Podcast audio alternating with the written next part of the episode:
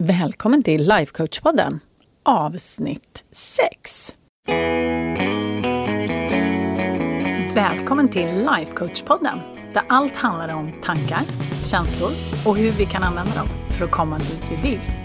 Jag är din guide, författare, projektstartare och certifierad lifecoach, Anna Wallner. Hej på er! Hoppas allt är bra med er. Det är så tråkigt för att jag får ju aldrig reda på hur det är med er eftersom jag bara sitter här i min ensamhet och spelar in det här utan någon slags feedback överhuvudtaget. Eh, just nu alltså, när jag spelar in det. Sen så ger ju ni mig massor med härlig feedback och det är underbart. Det är jag jätteglad för, så tack för det. Men idag så hade jag tänkt att prata lite om hur vi definierar oss själva. För det här är jättespännande och något som jag har funderat på ganska mycket. För er som eh, lyssnade på det första avsnittet så berättade jag ju lite om mig själv och där hörde ni att jag bland annat identifierar mig själv som hästtjej. Och det här är ju faktiskt lite spännande för att um, om vi är helt krassa så rider jag kanske, jag vet inte, två gånger per år numera. Och det är bara tack vare min kompis Helena som tar hand om mig och gör det här möjligt. Men eh, tittar man på faktan så sålde jag faktiskt min häst 97. Då gick jag alltså på gymnasiet. Och eh, det är klart att jag fortsätter rida efter det, men eh, jag vill inte påstå att det har varit i samma utsträckning som det var under min, min tidiga uppväxt. Det är så härligt att se sin tidiga uppväxt nu, som fram tills dess att man tog studenten. För jag kommer ihåg hur lång den där tiden kändes när man väl var i det. Men, men, det är en passus. Hur som helst, det som är lite roligt är ju det att de allra flesta av oss, vi går till vårt förflutna för att identifiera oss själva. Och det här är ju bara helt naturligt, om vi ska vara helt ärliga. Men frågan är om det gagnar oss så himla bra att göra det. För att när vi tittar bakåt, då ser vi ju bara det som vi faktiskt redan har gjort och hur vi har betett oss. Och väldigt många som jag träffar, de försöker ju skapa någonting nytt. De försöker förändra sig eller förändra någon, något beteende de inte gillar eller förändra någon rutin de inte gillar och förändra resultat framför allt, som de inte gillar. Och då funkar det ganska dåligt att titta bakåt och identifiera sig med det som har varit. Och om du svarar på den här frågan, vem är du? Hur vet du vem du är? Då skulle jag gissa på att du tittar bakåt, eller hur? För det är det absolut mest vettiga att göra, tycker vi. Men om vi också frågar oss själva, vad är vi kapabla till? Och titta bakåt. Då blir det liksom inte riktigt lika vettigt längre. För att om du tittar bakåt för att svara på den frågan, då missar du väldigt, väldigt, väldigt mycket saker. För det är också som vi pratade om i ett tidigare poddavsnitt, det här med att hjärnan försöker bara vara effektiv. Det vill säga, den upprepar det som vi har gjort hela tiden. Oavsett om det gav oss det resultatet vi ville ha eller inte, så är det det den gör. Den vill bara vara effektiv. Så om vi identifierar oss med det som har varit förr i tiden, det vi redan har upplevt, det vi redan har skapat, när vi försöker skapa någonting nytt, då kommer vi troligtvis stöta på patrull. Det kommer bli lite jobbigare än vad det kanske hade behövt vara. Oavsett om vi pratar om framtiden eller det som har varit eller det som sker precis just nu, så är det fortfarande så att allting faktiskt är bara tankar. Det är bara vad vi tänker om saker och ting. Och det här är ju så himla spännande för att det bevisas ju gång på gång på gång att våra minnen vi har inte stämmer överens med det som faktiskt hände. Alla som har sett en kriminalfilm vet ju hur svårt det är för vittnen att komma ihåg rätt och identifiera den som faktiskt har gjort brottet, även om de stod där, även om de såg det. Har man fyra vittnen så kommer de här människorna ihåg olika. De kanske inte ens kan ange vilken färg flyktbilen hade. Vissa säger att den är svart, andra säger att den är vit. För att vi minns inte. Och det här är ju också, återigen, det är ju bara vad vi tänker om det som hände. Eftersom det som har hänt och även våran framtid, tankarna om det, det existerar ju faktiskt bara i våra huvuden. Så kan vi ju faktiskt lika gärna bestämma oss för vad vi vill tänka om det. Och då menar jag mer aktivt. För det är ju så här att våra hjärnor levererar ju både det ena och det tredje till oss. Men det är ju faktiskt helt så att vi behöver inte tro på det som hjärnan levererar om vi faktiskt inte vill. Och liksom just det här, vilken betydelse lägger du i det som har varit, det som har hänt? Du kan ju välja att se det på ett sätt som stärker dig. Eller så kan du välja att se det på ett sätt som ursäktar ditt beteende just nu.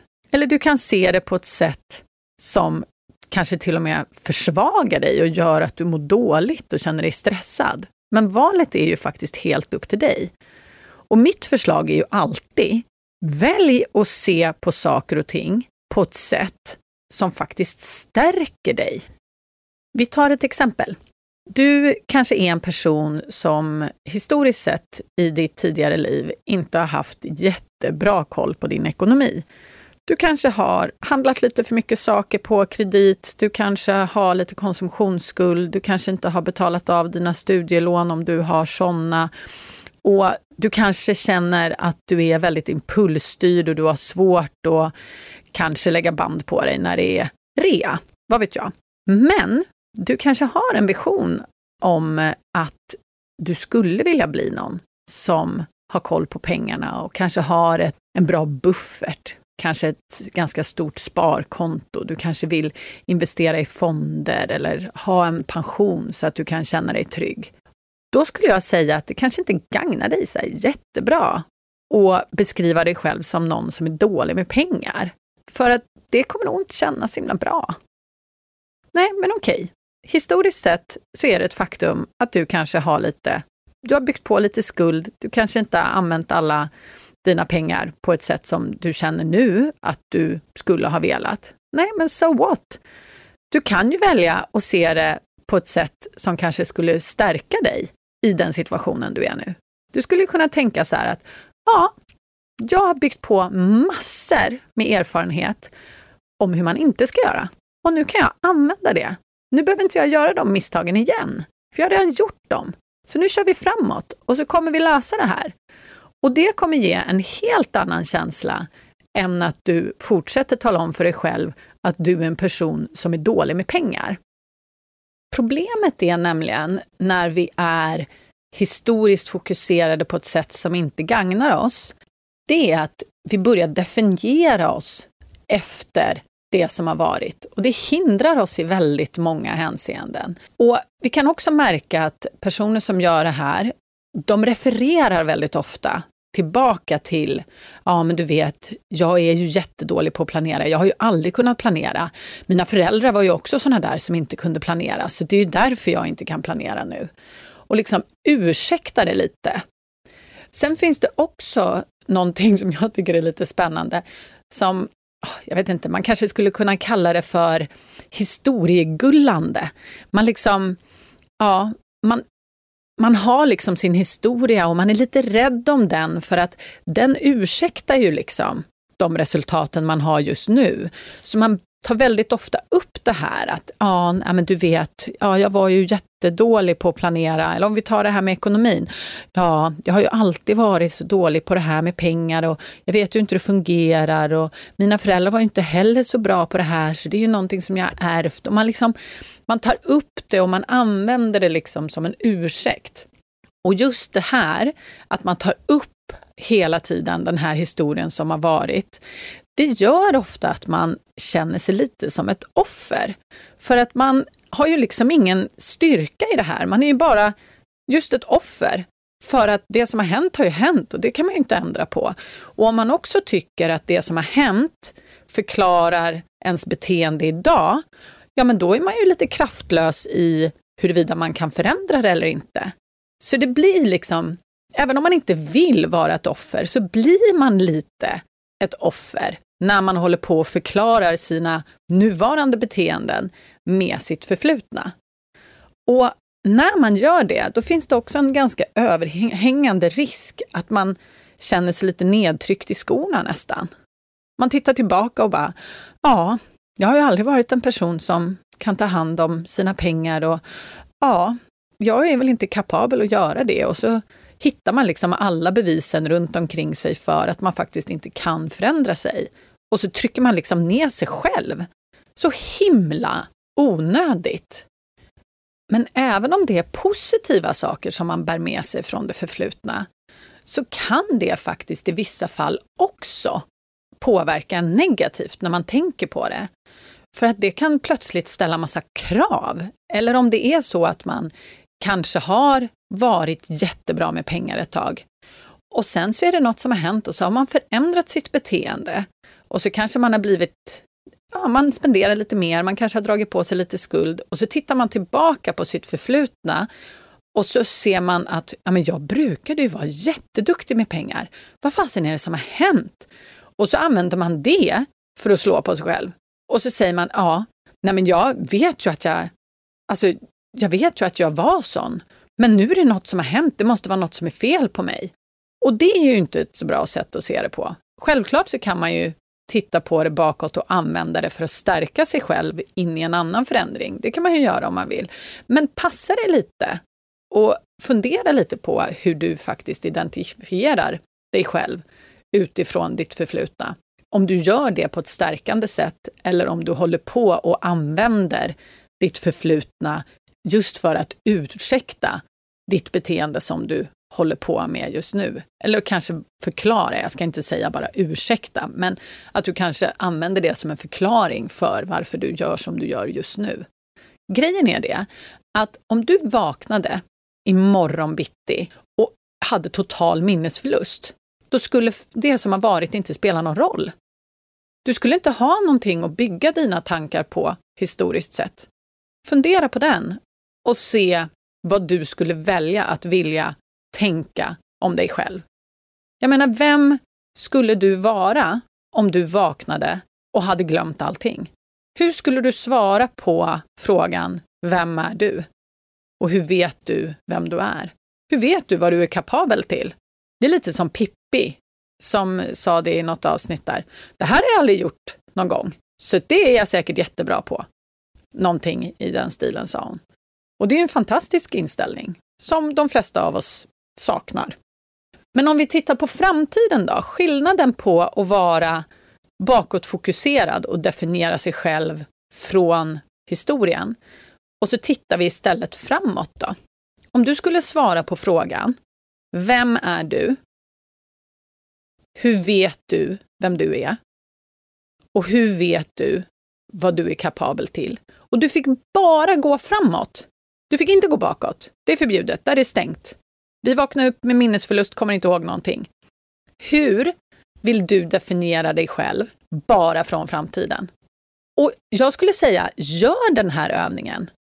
Pausa podden, eller ta ett papper senare och svara på de här frågorna. Se vilken skillnad det är. Om du först svarar på Vem är du? Hur vet du vem du är? Hur vet du vad du är kapabel till? Och så svarar du på det från ditt förflutna. Så tar du samma frågor och tittar framåt och identifierar svaren bara från framtiden. Så kan du jämföra. Det är en ganska rolig övning. För att det blir lite ögonöppnande, skulle jag säga. För när vi är framtidsfokuserade, då börjar vi använda vår fantasi. Och vissa av oss har jättesvårt att göra det här. Jag brukar prata om ibland att man måste träna upp sin drömmuskel. För vissa kan typ inte drömma om framtiden. Vi brukar prata om det här med att dagdrömma. och att det skulle vara någonting negativt. Det är absolut inget negativt tycker jag. Det är ju fantastiskt. Dagdröm mer. Men inse att det du drömmer om, det är faktiskt också någonting som du kan skapa om du vill. För att när vi använder vår fantasi och vi dagdrömmer, då ser vi möjligheterna som finns. Vi blir kreativa när vi tänker framåt. Vi ser den här visionen kanske till och med och det gör vi ofta på ganska olika sätt. Vissa ser det lite som en film och vissa ser det i bilder och ja, det är lite olika beroende på hur vi fungerar. Men i det här med att fokusera på framtiden så finns det också en stor portion av lärande. För att ska vi skapa det här som vi är ute efter, då kommer vi behöva lära oss nya sätt. Vi kommer behöva lära oss nya vägar. För vi kommer inte kunna upprepa det vi har gjort hela tiden. För upprepar vi det vi har gjort, det som hjärnan absolut helst vill att vi ska göra, då kommer vi ju få samma resultat. Det vet vi ju. Så vill vi skapa någonting nytt så kommer vi få lära oss nya grejer. Och det är just så här vi skapar förändring. Vi skapar förändring i våra liv genom att se möjligheterna, vara kreativa, lära oss någonting nytt. Och då skapar vi förändringen. Det är ju helt fantastiskt. Det som är så coolt är ju att när vi börjar bli framtidsfokuserade så är frågan inte så himla mycket vem du är. Utan det blir mer en fråga om vem du vill vara och vad det är du faktiskt vill skapa. Vad vill du skapa? Vad vill du göra med ditt liv? Och här är det härliga att du kan ju tro precis vad du vill. Du kan ju definiera dig själv precis hur du vill. Så frågan är, hur vill du göra det? Av egen erfarenhet kan jag ju säga att det är oerhört mycket roligare att definiera sig själv ifrån framtiden än att hålla på och identifiera sig själv efter vad man har gjort. För jag kan ju säga att jag hade minsann inte startat någon podcast om jag inte hade haft en god kontakt med vad det är jag faktiskt vill. Jag hade definitivt inte startat någon podcast om jag inte såg mig själv som en människa som har en podcast. Men i allt det här arbetet som jag har gjort så har jag kunnat bli mer och mer framtidsfokuserad och nu är ju liksom, jag vet inte vad man ska säga då, gamla Anna, hon den här hästtjejen, hon är fantastisk och jag älskar henne för allt hon gjorde. Men det är inte henne jag fokuserar på. Visst, det är klart att hon också är en del av mig, men det, det är utvecklingen som är intressant. Jag kan säga att jag är så oerhört tacksam för att jag har lärt mig att skifta. Och när någon frågar mig nu vad jag är för en person, så definierar jag mig på ett helt annat sätt än jag gjorde innan jag satte igång med allt det här som jag håller på med. Och då kan ju du kanske fråga dig så här, ja ah, men okej, det här låter ju jättebra, jag vill också bli framtidsfokuserad och jag vill inte hålla på och definiera mig efter allt det här som jag hållit på med och allt som har hänt förr i tiden. Förr i tiden låter som att vi är tillbaka på medeltiden, men ibland känns, ju, känns det lite så. Och ja, i, i, mitt, i, mitt, i min värld så kan jag ju säga att eh, även om mitt liv har varit samma hela tiden, alltså vi lever ju bara ett liv, eh, det är ju inte frågan om reinkarnation här.